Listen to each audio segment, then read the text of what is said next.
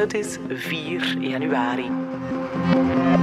Dit is vandaag de dagelijkse podcast van de Standaard. Ik ben Niels de Keukelare.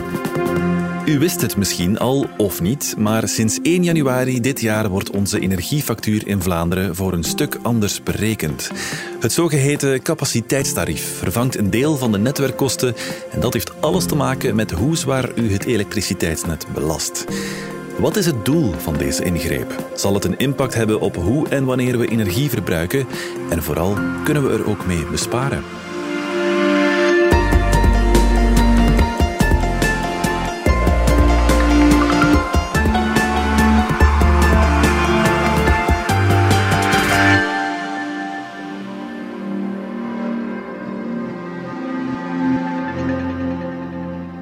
Laatste dag voor het nieuwe jaar had Vlaams minister van Energie Zohal Demir nog iets te melden. Ze schreef een persmededeling met dit als inleiding.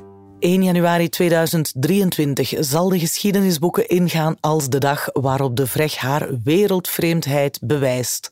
Te midden van een energiecrisis een capaciteitstarief invoeren tegen de wil van een meerderheid van het parlement en met nadelige gevolgen voor vele mensen, het is eigenlijk te zot om los te lopen. Ik heb als minister dan ook een juridische procedure lopen tegen de VREG voor het Hof van Beroep van Brussel, met oog op de vernietiging van het capaciteitstarief. De eerste zitting is gepland op 25 januari. Ja, Wim Winkelmans, energie- en politiek journalist voor de krant. Een uh, ideale combo heb je qua uh, skills en kennis om het straks over de politieke reacties en de kwaadheid van minister Demir te hebben. Maar laat ons vooral eerst eens in dat nieuwe stukje op onze energiefactuur duiken. Als ik naar mijn energiefactuur kijk, dan uh, zie ik een zee van getallen, berekeningen, heffingen, supplementen, noem maar op. Geraak jij er nog uh, vlotjes aan uit aan de energiefactuur? Het is een beetje studeren, maar ik zou nu ook niet overdrijven. Nee, laat ons zeggen dat er uh, de factuur soms bewust heel ingewikkeld wordt gemaakt. Ja. Maar als je de grote lijnen bekijkt, dan is, is, dat toch wel niet zo moeilijk. Je hebt eigenlijk grofweg drie onderdelen op de factuur. Eén, het onderdeel van de elektriciteit zelf die je verbruikt. Mm. Twee, allerlei heffingen, BTW, et cetera, groene stroomcertificaten. En drie, de distributietarieven, zoals dat heet, de nettarieven. Dat is eigenlijk de kostprijs voor het brengen van al die elektriciteit door kabels onder de straat mm -hmm. of door de lucht naar je thuis. Ja. en daar verandert nu iets? Bij dat laatste verandert er nu iets, ja. ja. De kostprijs daarvan werd berekend op basis van het verbruik. Mm -hmm. hoe, hoe meer je verbruikt, hoe hoger je nettarief. Maar dat is niet logisch. Waarom niet? Dat, dat je daar betaalt per kilowattuur, dat lijkt wel vanzelfsprekend. Mm -hmm. Maar voor de kabels maakt het eigenlijk niet uit hoeveel elektriciteit dat er dan precies doorgaat. Ja. Stel nu, ik en mijn buurman verbruiken op jaarbasis exact evenveel elektriciteit. Hm. Alleen mijn buurman doet dat veel meer geconcentreerd in een hele korte periode en ik spreid mijn gebruik netjes over het hele jaar dan heeft dat tot gevolg dat eh, ik het kan stellen met een normaal stroomkabeltje ja, dat ja. Uh, tot naar mijn huis gaat. Maar om dat hoge piekverbruik van mijn buurt te dekken, moet uh, de netbeheerder Fluvius een enorm dikke kabel gaan leggen. Wel, die dikke kabel die kost veel meer geld. Mm. Dus daarom is het dan beter om de kostprijs van uw net, de nettarieven te gaan berekenen op basis van de dikte van de kabel die je nodig hebt. In mm-hmm. plaats van op gewoon het verbruik. Ja, ja, ja. Want dat houdt daar geen rekening mee. En dat doet het capaciteitstarief wel? Inderdaad, vanaf uh, begin dit jaar wordt een deel van de nettarieven inderdaad berekend op basis van het vermogen, de dikte van de kabel die je nodig hebt, ja. en niet langer op basis van het verbruik. Ja. Waarom is dat zo? Ja, kijk, laten we zeggen, het klassieke verbruik van een gezin op momenteel. Hè. Hmm. Dus uh, we staan s ochtends op en uh, we zetten het koffieapparaat aan, het licht aan, et cetera. We hebben een kleine verhoging van ons verbruik. Overdag is dat weer wat minder, want we zijn gaan werken. Hè. En s'avonds hebben we een hoge piek, want dan zetten we de oven op, we zetten het wasmachine op, et cetera. Ja. Maar daar komt straks in het kader van de energietransitie wel iets bij. Dat is namelijk de elektrische auto in de eerste plaats. Mm. Kijk, stel je voor, een uh, woonwijk, allemaal mooie villa's, allemaal uh, uh, elektrische auto's. En er is één leiding van Fluvius die naartoe loopt om die huizen van elektriciteit te voorzien. Ja. Als al die huizen een elektrische auto hebben, die steken die allemaal tegelijkertijd in de stekker, dan gaat die kabel waarschijnlijk wel rood beginnen uitslaan van, uh, van moeite ja, ja. om al dat verbruik te dekken. Ja. Om dat te voorkomen zouden we extra kabels, extra capaciteit moeten bijleggen. Dat is duur, dat is heel duur. Mhm. Koper is duur. En de bedoeling is dat we met dit capaciteitstarief mensen gaan aanmoedigen om in auto niet om zes uur s'avonds in de stekker te steken, maar laten we zeggen om tien uur, wanneer dat het, uh, het piekverbruik alweer gezakt is en wanneer er meer plaats is in die kabel om elektrische auto's op te laden. Oké, en daarom betalen we dus voortaan een deel van het nettarief, het tarief waarmee de infrastructuur wordt betaald op basis van ons piekverbruik. Precies om mensen ertoe aan te zetten minder hoge en dure pieken in verbruik te hebben en hun elektriciteitsgebruik meer te gaan spreiden. Want ja, als we ons verbruik niet gaan spreiden, dan gaat Fluvius erg moeten investeren in dikkere en dus duurdere kabels. Maar, uh, Fluvius zal sowieso moeten investeren in uh, dikkere kabels. Uh, ze hebben daar ook een plan voor. Kost ongeveer 4 miljard. Hmm. Maar als we nu niet ons net efficiënter gaan gebruiken en ons verbruik spreiden, dan zal daar volgens Fluvius nog eens 4 miljard pakweg uh, bijkomen. Okay. Voor de duidelijkheid, die 4 miljard en die 4 miljard erbij, die komen allemaal in de nettarieven terecht. Dus die worden allemaal doorgerekend naar de verbruiker. Ja, ja, ja. Dus met andere woorden, hè, het capaciteitstarief helpt ons, moedigt ons aan om verhogingen van onze eigen nettarieven te vermijden. Ja, dus als ik het goed begrijp, of we nu veel of weinig energie verbruiken doorheen de dag, speelt eigenlijk minder een rol. Het gaat hem echt over de pieken waar het capaciteitstarief op berekend zal worden, hoeveel toestellen we op hetzelfde moment gebruiken of hoe hard we ons netwerk belasten. Kunnen we dat ja, zelf ergens berekenen hoeveel dat capaciteitstarief ons zal kosten? En je kunt het simuleren op de site van de VREG, vreg.be. Daar kun je gewoon uh, je situatie ingeven en dan geeft de VREG een simulatie van wat jouw tarief zou kunnen zijn. Dat is uh, natuurlijk hypothetisch, dat, hangt, dat zijn type, type voorbeelden. Mm -hmm. Je kunt het ook zelf gaan nakijken op mijnflivius.be als je een digitale teller hebt. Ja. Daar ga je je piekverbruik per maand uh, gaan bekijken. Mm. Nu, voor een uh, gezin zonder een elektrische auto zal dat nogal meevallen. Okay. Als je kijkt naar een modaal gezin met een 3500 kilowattuur verbruik per jaar, de tarieven die je gaat betalen nu, vergeleken met vorig jaar, dat gaat echt enkele euro's per jaar verschillen zijn, niet meer dan dat. Mm. Het verandert natuurlijk als je een elektrische auto hebt, zoals ik zei. En dan word je echt wel aangemoedigd om dat verbruik te spreiden, hè, zodat je niet die hoge pieken meer hebt. Ja, het helpt ook als je je auto traag oplaadt. Hè. Die hoeft misschien niet na twee uur alweer helemaal vol te zijn. Een elektrische auto, eh, daar kunt daar een, een apparaatje tussen koppelen dat uh, slim heet te zijn. Hè. En slim, dat betekent dat het uh, ervoor zorgt dat de, het laadvermogen van de auto plus het vermogen dat je huis nodig hebt nooit boven een maximum uitstijgt. Okay. Bijvoorbeeld, jij verbruikt 7 kilowatt om je auto op te laden. Je zet dat apparaatje op 4 kilowatt, dan zal die maximum nog 4 kilowatt opladen. Mm. Als uh, je tegelijk dan je oven opzet van 2 kilowatt, dan zal de elektrische auto geen 4 kilowatt meer gebruiken, maar 2. Ja. Dan heeft hij uiteraard meer tijdig nodig om op te laden. Dus is het belangrijk om het niveau zo in te stellen dat uh, je auto voldoende rijbereik heeft wanneer je opstaat s morgens vroeg. Mm. S'nachts uh, heb je over het algemeen meer dan tijd genoeg om enkele honderden kilometers bij te laden. Wim, iets dat mij toch opvalt. Um, de netbeheerder Fluvius wil ons piekverbruik duurder maken om ons ervan te overtuigen geen hoge pieken meer te hebben in ons verbruik.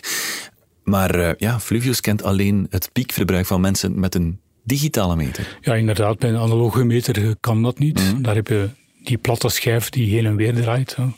Meestal als je zonnepanelen hebt, dan draait ze maar in één richting. Ja, ja, dus is er een uh, voorlopige, een, een, tijdelijke maatregel genomen voor mensen met een analoge meter. Dan wordt mm. gewoon een, een minimumverbruik van 2,5 kilowatt aangerekend.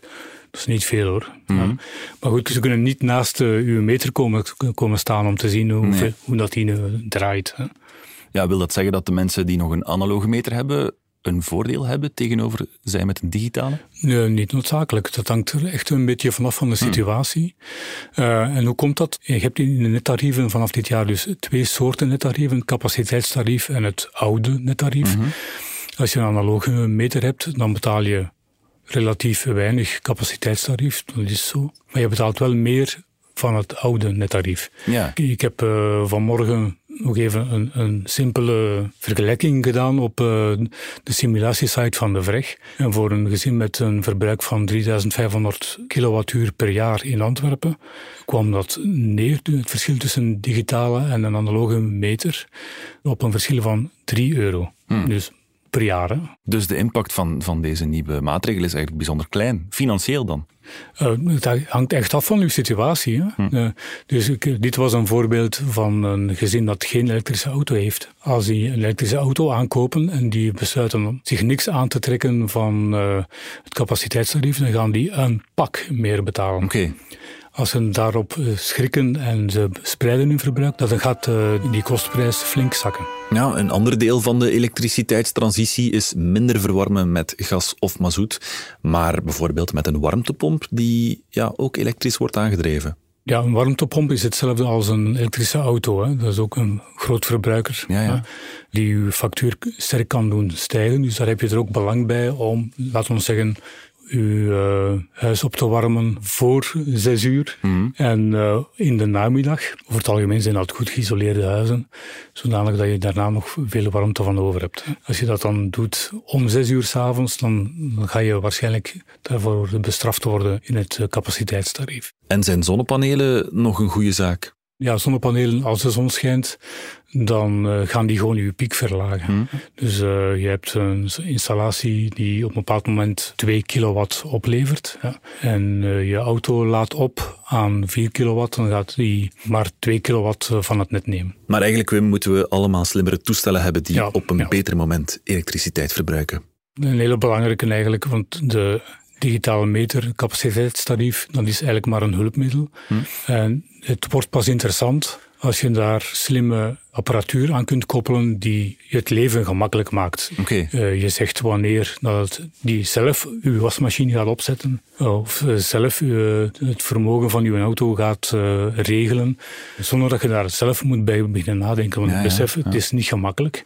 Maar die apparaten zijn er om je het leven gemakkelijk te maken. En ze bestaan.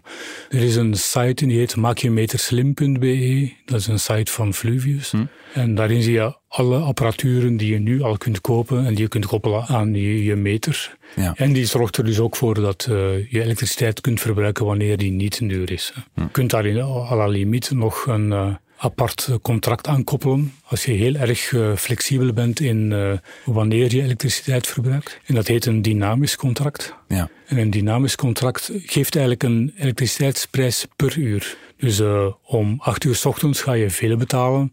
In uh, de namiddag gaat dat wat minder zijn. Om zes uur s'avonds ga je het meest verbruiken. Hè? En s'nachts ga je heel weinig verbruiken. Uh, als het zo, als de voorbije dagen heel hard waait en er is weinig verbruik, kan het zelfs zijn dat je er nog geld bij krijgt. Mm. Nooit veel hoor, maar je gaat uh, nog geld bij krijgen om elektriciteit af te nemen. Ja, ja, ja. Dus als je weet, ik heb een elektrische auto, ik heb die elke dag nodig, ik rij veel, dan is dat nog wel een optie om over na te denken. Ja. Natuurlijk, als je die optie neemt en je moet toch hoge pieken trekken op het moment dat iedereen veel verbruikt, dan ga je veel meer betalen. Dus je moet wel een beetje opletten. Maar als je je, je verbruik heel erg kunt sturen, dan is dat zeker interessant om te doen. We gaan er even uit voor reclame.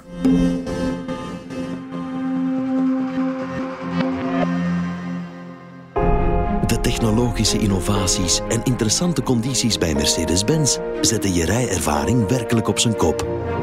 Kom in januari langs bij Hedin Automotive en ontdek de vele ingenieuze luxe, veiligheids- en comfortpakketten op een breed gamma aan toonzaalmodellen. Of ervaar het gewoon zelf tijdens een uitgebreide proefrit. Ontdek onze voorraad aan stokmodellen op hedinautomotive.be of kom langs in een van onze 20 showrooms.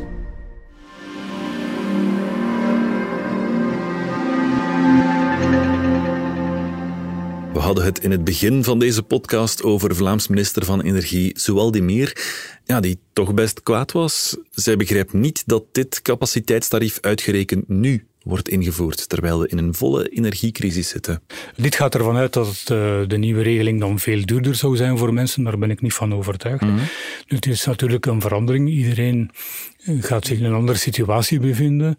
Sommige mensen gaan meer betalen, sommige gaan, mensen gaan minder betalen. Dus uh, je kunt er niet, van, niet zomaar zeggen dat dit voor iedereen een slechte zaak is. Mm Maar waarom dit nu moet? Hè? Wel, op dit moment zitten we aan 1,2 procent eh, elektrische auto's in Vlaanderen. Mm -hmm. Dat is nog niet veel, maar als je nu kijkt, de groei dit jaar was 75 procent, vergeleken met 2021. Ja, dat is wel behoorlijk. Dus je ziet ergens, als je dat op een curve uitzet, de verkoop van elektrische auto's, dan zie je dat die exponentieel gaat. Mm -hmm. Dus die gaat dit jaar nog sneller gaan. Die gaat de volgende jaren blijven stijgen. Dus het gaat heel rap gaan. Ja. Mm -hmm. Meer nog, het is de Vlaamse regering waar uh, mevrouw Demir deel van uitmaakt. Die zet daarop in. Die uh, moedigt mensen aan om elektrisch te gaan. Niet elektrische auto's, warmtepompen enzovoort. Dat staat in hun uh, energie- en klimaatplan. Mm -hmm. Dus we gaan hoe dan ook naar een sterke stijging. laten we zeggen dat er tegen 2030 is de ambitie om meer dan een miljoen elektrische auto's te hebben. Het cijfer ontsnapt ja, me nu, maar ik denk het was boven het miljoen. Dus ja, moeten we dan wachten? Ja, kijk, uh, in het energiebeleid is er de voorbije jaren al heel veel gewacht en uh, heel veel uitgesteld enzovoort. En kijk waar ons dit heeft gebracht. Mm. Dus uh, we zouden ons eigenlijk moeten in verheugen dat er eindelijk op tijd een maatregel wordt genomen. Hè. We kunnen het ook zo bekijken. Ja, ja, ja. wat is trouwens het alternatief? Hè? Mm. De Fluvius houdt rekening met 4 miljard investeringen die nu sowieso al nodig zijn om het net te versterken. Die investeringen zijn nodig omdat anders we ja, echt uh, afsteven op congestie, uh, file in, in het uh, elektriciteitsnetwerk. Ja, ja. En dat is dan nog rekening gehouden met een spreiding in het verbruik. Als we dat nu niet zouden doen en iedereen laat maar op, om het zo te zeggen, dan moet je daar nog eens 4 miljard bij tellen. Hmm. Die 4 miljard extra, die komen wel terecht in de nettarieven waarvan zowel Demir zegt dat ze ze willen verlagen. Ja. Dus als uh, zij dit tegenhoudt, dan riskeert ze dat ze de nettarieven opdrijft. Ja, waarom is ze er dan toch zo tegen? Uh, ik denk dat. Enfin, ik kan niet in haar hoofd kijken, dat is één, punt één. Maar er is vorig jaar een studie geweest van de Universiteit Gent waaruit bleek dat uh, voor kleine verbruikers, kleine alleenstaanden, dat dat wel een verschil zou, dat ze significant meer zouden, zouden betalen. Mm.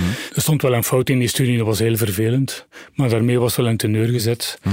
waardoor ja, de indruk ontstond, alleenstaanden die betalen meer. Mm. Daar heeft zij, denk ik wel, voor een deel een punt, hoewel ja, voor die kleine verbruikers, dat zijn ook tweede verblijven, moeten we tweede verblijven die 50 euro die het verschil maakt per jaar, uh, uh, moeten we het daarvoor laten? Dat kun, daar kun je vragen bij stellen. Ja, ja. Ik denk dat dat het basisargument is. En daarna kwam natuurlijk, uh, kijk, we zijn nog niet ver genoeg met de uitrollen van het digitale meter, de verschil in behandeling tussen analoge en digitale meter, et cetera. Uh, ik heb al gezegd, een digitale meter gaat zeer snel worden uitgerold. Hmm. En het verschil in de behandeling tussen analoog en digitaal, dat laat ik aan de rechter. Hmm. Maar het zijn verschillende situaties. In verschillende situaties mag je ook verschillend behandelen. Ja, ja.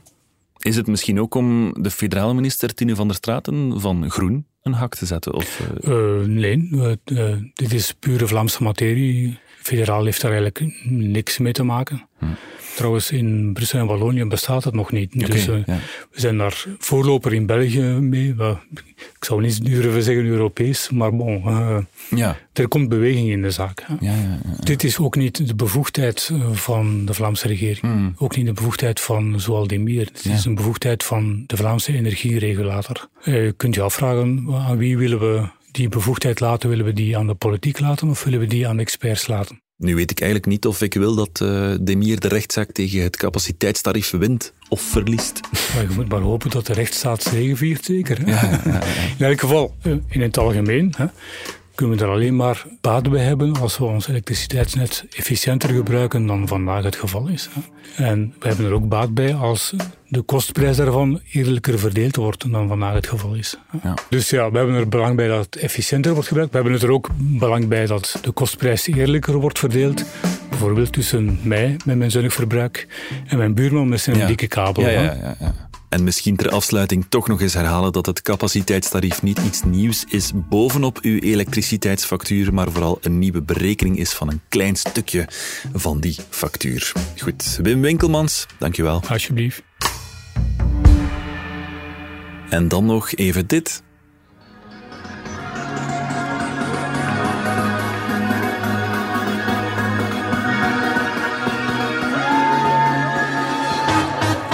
Sta op de dansvloer helemaal van voor. Ik zie de DJ's. Ik zie mijn vrienden links en rechts van mij. Ik voel euforie. Ik voel de muziek. Ik voel de liefde van de mensen rondom mij. En ik voel heel veel liefde voor hen. Ik dans. Ik dans. Ik dans met mijn hand over mijn beker. Ik voel mij niet op mijn gemak. Ik ben iedereen de hele tijd aan het screenen. Wie er voor mij en achter mij staat. Achter mij staat. Voel ik nog? Ik heb het gevoel dat ik mezelf aan het inhouden ben in wie ik ben.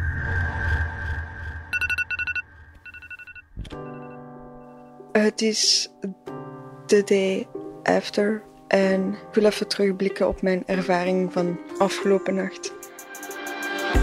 In de volgende afleveringen van Klaar Wakker zoekt Cubra een antwoord op de vraag hoe kan het nachtleven veiliger zonder de losbandigheid te verliezen?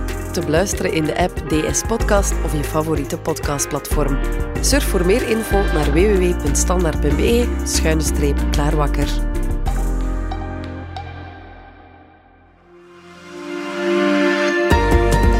Dit was vandaag, de dagelijkse podcast van de Standaard. Bedankt voor het luisteren. Volg ons op Spotify, Apple Podcast of eender welk ander podcastplatform. In onze gratis app DS Podcast kan je niet alleen ons werk beluisteren, maar ook de beste podcasttips voor op vakantie of ergens onderweg, met zorg geselecteerd door onze redacteur Max de Moor. Alle credits van de podcast die je net hoorde vind je op standaard.be-podcast. Reageren kan via podcast.standaard.be. Morgen zijn we opnieuw.